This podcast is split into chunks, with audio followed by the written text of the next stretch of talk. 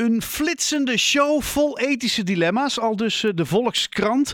Uh, morgen zal de voorstelling De Nederlandse Cocaïnefabriek van De Tafel van Vijf, dat is een uh, muziektheatergroep, in de schuur worden gespeeld. En aan de telefoon heb ik Michiel Schreuders. Hij is super druk, maar hij is artistiek leider van, van het hele clubje en kan me even te woord schijn, staan. Michiel, goedenavond. Goedenavond, dag. Ja, en naast artistiek leider ben ik ook muzikant in de voorstelling. Dus, oh jee, eh, oh, dus ook nog uitvoerder, alles. Dus, eh, en je hebt vanavond ook weer show, begreep ik? Ja, in Amsterdam, in de Krakeling en uh, morgen dus in Haarlem in de Schuur. Ja, precies. hey, de, de, de, de Nederlandse cocaïnefabriek, als ik, want ik heb wat foto's gezien, dan zie ik inderdaad een, een, een, een fabrieksopstelling. Het is bijna alsof ik in de set van, van, van, ja, van Ferry of zo, weet je, terechtgekomen ben. Ja, um, ja. Wat maakt deze voorstelling nou zo bijzonder? Nou, het is bijzonder omdat het een deel van de geschiedenis is die we eigenlijk uh, niet zo goed weten. Het is ook daadwerkelijk geschiedenis. Het is echt gebeurd. Ja, de, de Nederlandse cocaïnefabriek die stond in Amsterdam. Oh. En uh, Connie Braam had er een fantastisch boek over geschreven. De handelsreiziger van de Nederlandse cocaïnefabriek. En die handelsreiziger, dat is de hoofdrol in ons stuk. Oké. Okay. Gustav Borman. Mm -hmm. En dat, hij speelt uh, in, de, in het boek uh, speelt zich grotendeels af in Haarlem. Want die hoofdrolspeler die woont in Haarlem, Jan Hartman. Oké. Uh, in de Oranjestraat. Um, en daar vandaan rijdt hij altijd met zijn motor, met zijn Harley Davidson, naar Amsterdam, naar de fabriek. Na, naar de kookfabriek, om, om daar cocaïne te halen? Klopt. En het was een medicijn. Uh, het werd oh. gebruikt bij de tandarts om je tandvlees te verdoven, om een kies te trekken of iets dergelijks. En uh, ze kwamen er ook achter dat het dus uh, een oppeppend middel had. En de honger verdween en je werd overmoedig. Ja. En dat was voor die soldaten in die Eerste Wereldoorlog toen het drugsmiddel om op te peppen en die loopgraven uit te durven. Want dat was natuurlijk zo vreselijk eng. Ja. Dat ze moesten wat en ze hadden dat dus ontdekt. En toen heeft Nederland, die was in die tijd neutraal, mm -hmm heeft aan alle strijdende partijen, dus de Engelsen, de Fransen, de Duitsers, hebben ze het allemaal verkocht. dus Nederland heeft cocaïne verkocht aan alle strijdende partijen in de Eerste Wereldoorlog, om ervoor te zorgen dat ze lekker opgepept uh, aan, die, aan de slag konden, zeg maar. Ja, en daarna had je dus in de, uh, uh, na die oorlog, als je het leven vanaf bracht, had je, had je overal verslaafde ja. veteranen in de grote steden. Inderdaad. En daarna pas, rond 1920, is het pas illegaal geworden. Dus het was gewoon een legaal medicijn tussen aanhalingstekens. Oh, wauw. Ja, dat is natuurlijk ook in de tijd van, van uh, Coca-Cola. Daar zat in het verleden natuurlijk ja. ook coca-bladeren en zo. Hè. Ook cocaïne in feite een soort van in. Dus het was eigenlijk ja. best wel salon, salonveeg om het gewoon maar te gebruiken.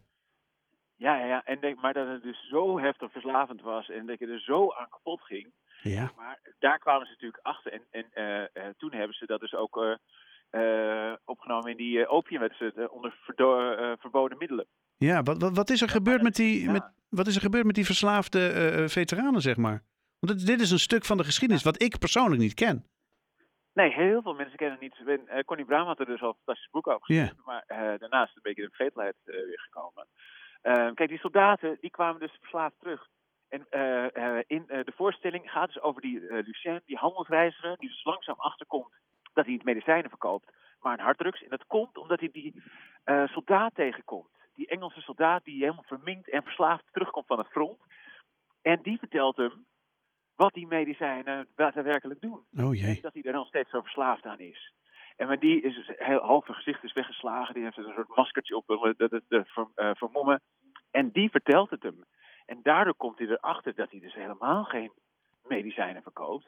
Pijnstillers. Maar, maar... hij komt erachter van, ik handel gewoon in, in harddrugs en die gasten gaan dan gewoon helemaal kapot aan. En zijn eigen vriendin, uh, die zegt dat, dat, ze migraine heeft en dat wordt ook steeds erger. En dan geeft hij ook elke keer cocaïne, dus hij raakt ook helemaal verslaafd. dus twee mensen in, omge uh, in, zijn omgeving zijn totaal verslaafd aan die cocaïne. Ja, en dan kan hij niet meer terug. En dan confronteert hij de fabriek uh, daarmee. Dus uh, de band, ik speel in de band, mm -hmm. die spelen de directieleden van de cocaïnefabriek. Ah, oké. Confronteert hij hen daarmee. Met, met, hun, met, hun, met, met, met eigenlijk het feit dat ze harddrugs aan het, aan het ja, produceren zijn. Precies. En, en dan? Ja, ik wil natuurlijk niet al te veel spoilen of zo, maar ik ben dus zo heel erg benieuwd hoe dit, ja, hoe dit dan uiteindelijk tot, tot hoe krijg je deze, deze shitshow weer bij elkaar, zeg maar? Want in feite, er is natuurlijk iemand die is, daar, die is economisch van afhankelijk. Je hebt natuurlijk ergens de, de oorlog. Je hebt, tegelijkertijd ben je gewoon bezig met het maken van een, een, een ongelooflijk verslavend uh, harddruk. Hoe, hè? Ja, het is een bizarre uh, samenloop van omstandigheden. En in de voorstelling hebben we een, een hele dynamische uh, muzikale voorstelling van gemaakt, waarmee de band speelt de, de, de, zowel de uh, fabrieksdirecteuren als uh, het Griekse koor wat een volgend hoofdstuk aankondigt, uh, als de innerlijke stem van de karakters. Mm -hmm. En zo gaan we vanaf begin van die Eerste Wereldoorlog tot net daarna, en dat hij die verslaafde veteranen terugkomt, tegenkomt, tot het moment dat de opiumwet in, in wordt gevoerd en oh, ja. cocaïne niet meer legaal is. Mm -hmm. En dan moet je dus andere wegen. En uh, de voorstelling uh, doet het publiek mee. Die is ingedeeld in, in groepen van zeven. Oh. En uh, zij stellen een team captain aan. En ze stemmen per dilemma voor een keuze één of twee. Oké. Okay. Dat geeft weer een aantal punten. En zo speel je mee met die handelsreiziger. Oh. in het je bent echt letterlijk onderdeel van, die, van, die, van, van, van, het, van de ethiek in het hele verhaal. Ja, je speelt dus, dus mee en uh, je speelt als het ware een, uh, een bordspel. Mm -hmm. Speel je tegen de andere teams. Oké. Okay. En ehm, dat bouwt zich zo op en, en je hebt winstpunten en je hebt risico- en relatiepunten en dat moet je in balans houden. En zo elk dilemma, in, het gaandeweg het stuk kom je allerlei dilemma's tegen. En dan moet je stemmen. En dan krijg je daar punten okay. uh, voor. En zo heeft de een steeds meer dan de andere. En dat, uh, dat bouwt zo toe naar een apotheose. En uh, dat ga ik niet spoilen. Nee, nee, nee. Nee, dan moet men zelf maar komen kijken in, in de schuur natuurlijk. Um, hey, wat, wat maakte nou voor jou deze show zo, zo, ja, zo bijzonder of zo aangrijpend? Dat je ervan, dit haal ik eruit of dit neem ik mee? Of wat, wat, wat doet het met jou?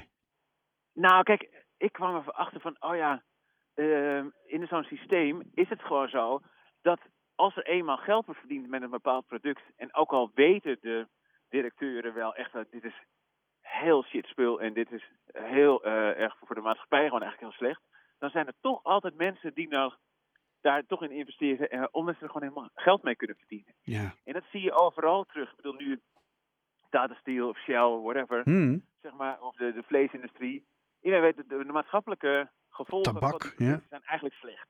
Ja. Maar stop het maar eens. Ja, ja dat is nog een heel ding. Gewoon, ja, absoluut. En uh, uh, dus dat gebeurde toen met die cocaïne. Maar dat zie je nu terug ook met Shell, Tata Steel en de vleesindustrie. Iedereen weet, we moeten er vanaf. Maar doe het maar eens 1, 2, 3. En ja. uh, dat, uh, dat vond ik een mooie link waardoor ook urgent werd. En het is natuurlijk ook oorlog is nu weer overal. Ja, dus, uh, dus wapens en de verkoop daarvan, ja. Ja. Is, is, is, geld, is geld eigenlijk uh, niet de echte verslaving? Absoluut, ja. Geld en macht. Wat dat betreft een groot aanklacht tegen het kapitalisme, maar ja. ja. Uh, we hebben nog geen beter systeem. Maar dat het gewoon toch heel veel kwaad doet, dat, dat, dat zien we wel terug natuurlijk. Ja. Maar ik kan me ook voorstellen dat vanuit, uh, vanuit de culturele hoek is dat natuurlijk ook altijd maar een, ja, ook altijd wel een best een ding. Dat weten we uit de coronatijd nog wel. Zeker, ja. Ja. Ja, we als eerste. Precies. Koop, koop maar een ja. dvd'tje, weet ik nog wel. Dat was een mooie uitspraak ja. van uh, een staatssecretaris, meen ik, of een minister. Ja, die is daar wel teruggekomen. Ja, en terecht ook trouwens. Maar um, ja. nee, dat was... Uh, Jeetje, nou een, een, een, een, een, een bijzondere show hoor ik wel. Uh, uh, die uh, morgen dus in de schuur wordt gespeeld. Dus als je nog het idee hebt van nou, ik, ik, ik moet daarheen, ik moet er meer van weten. Zijn er nog tickets te halen eigenlijk, Michiel, of weet je dat niet? Ja, volgens mij zijn er nog tickets. En het begint dus met een korte expositie van Huis Doren, mm -hmm. Museum Huis Doren. Oh ja. Over die Eerste Wereldoorlog, over de drugs toen de tijd tot nu. En dan ga je dus in verschillende groepjes de voorstelling in. En het is ook ontzettend leuk om uh, mensen die uh, andere mensen niet kennen, worden in een groepje ge, gestopt. Ja. En ga je dat samen beleven. Dus het is ook een gewoon ontzettend leuk sociaal gebeuren om, rond die voorstelling. En Dus misschien leer je ook nog wel nieuwe mensen kennen, weet jij veel? Precies, Ja. ja. Het kan zomaar. Hey, superleuk. Eh, Fijn dat ik je nog even kon spreken, Michiel. Michiel Schreuders, artistiek leider, componist, muzikant van eh, muziektheatergroep De Tafel van Vijf. Morgen in de schuur hier in Haarlem met de Nederlandse cocaïnefabriek. Ehm, heel veel succes. Toi, toi, toi, Michiel. En eh, ook toi, toi, toi voor zometeen in de krakeling. ja, dankjewel. Alright, ik wens je een hele fijne avond. Wij gaan naar het nieuws van half zeven.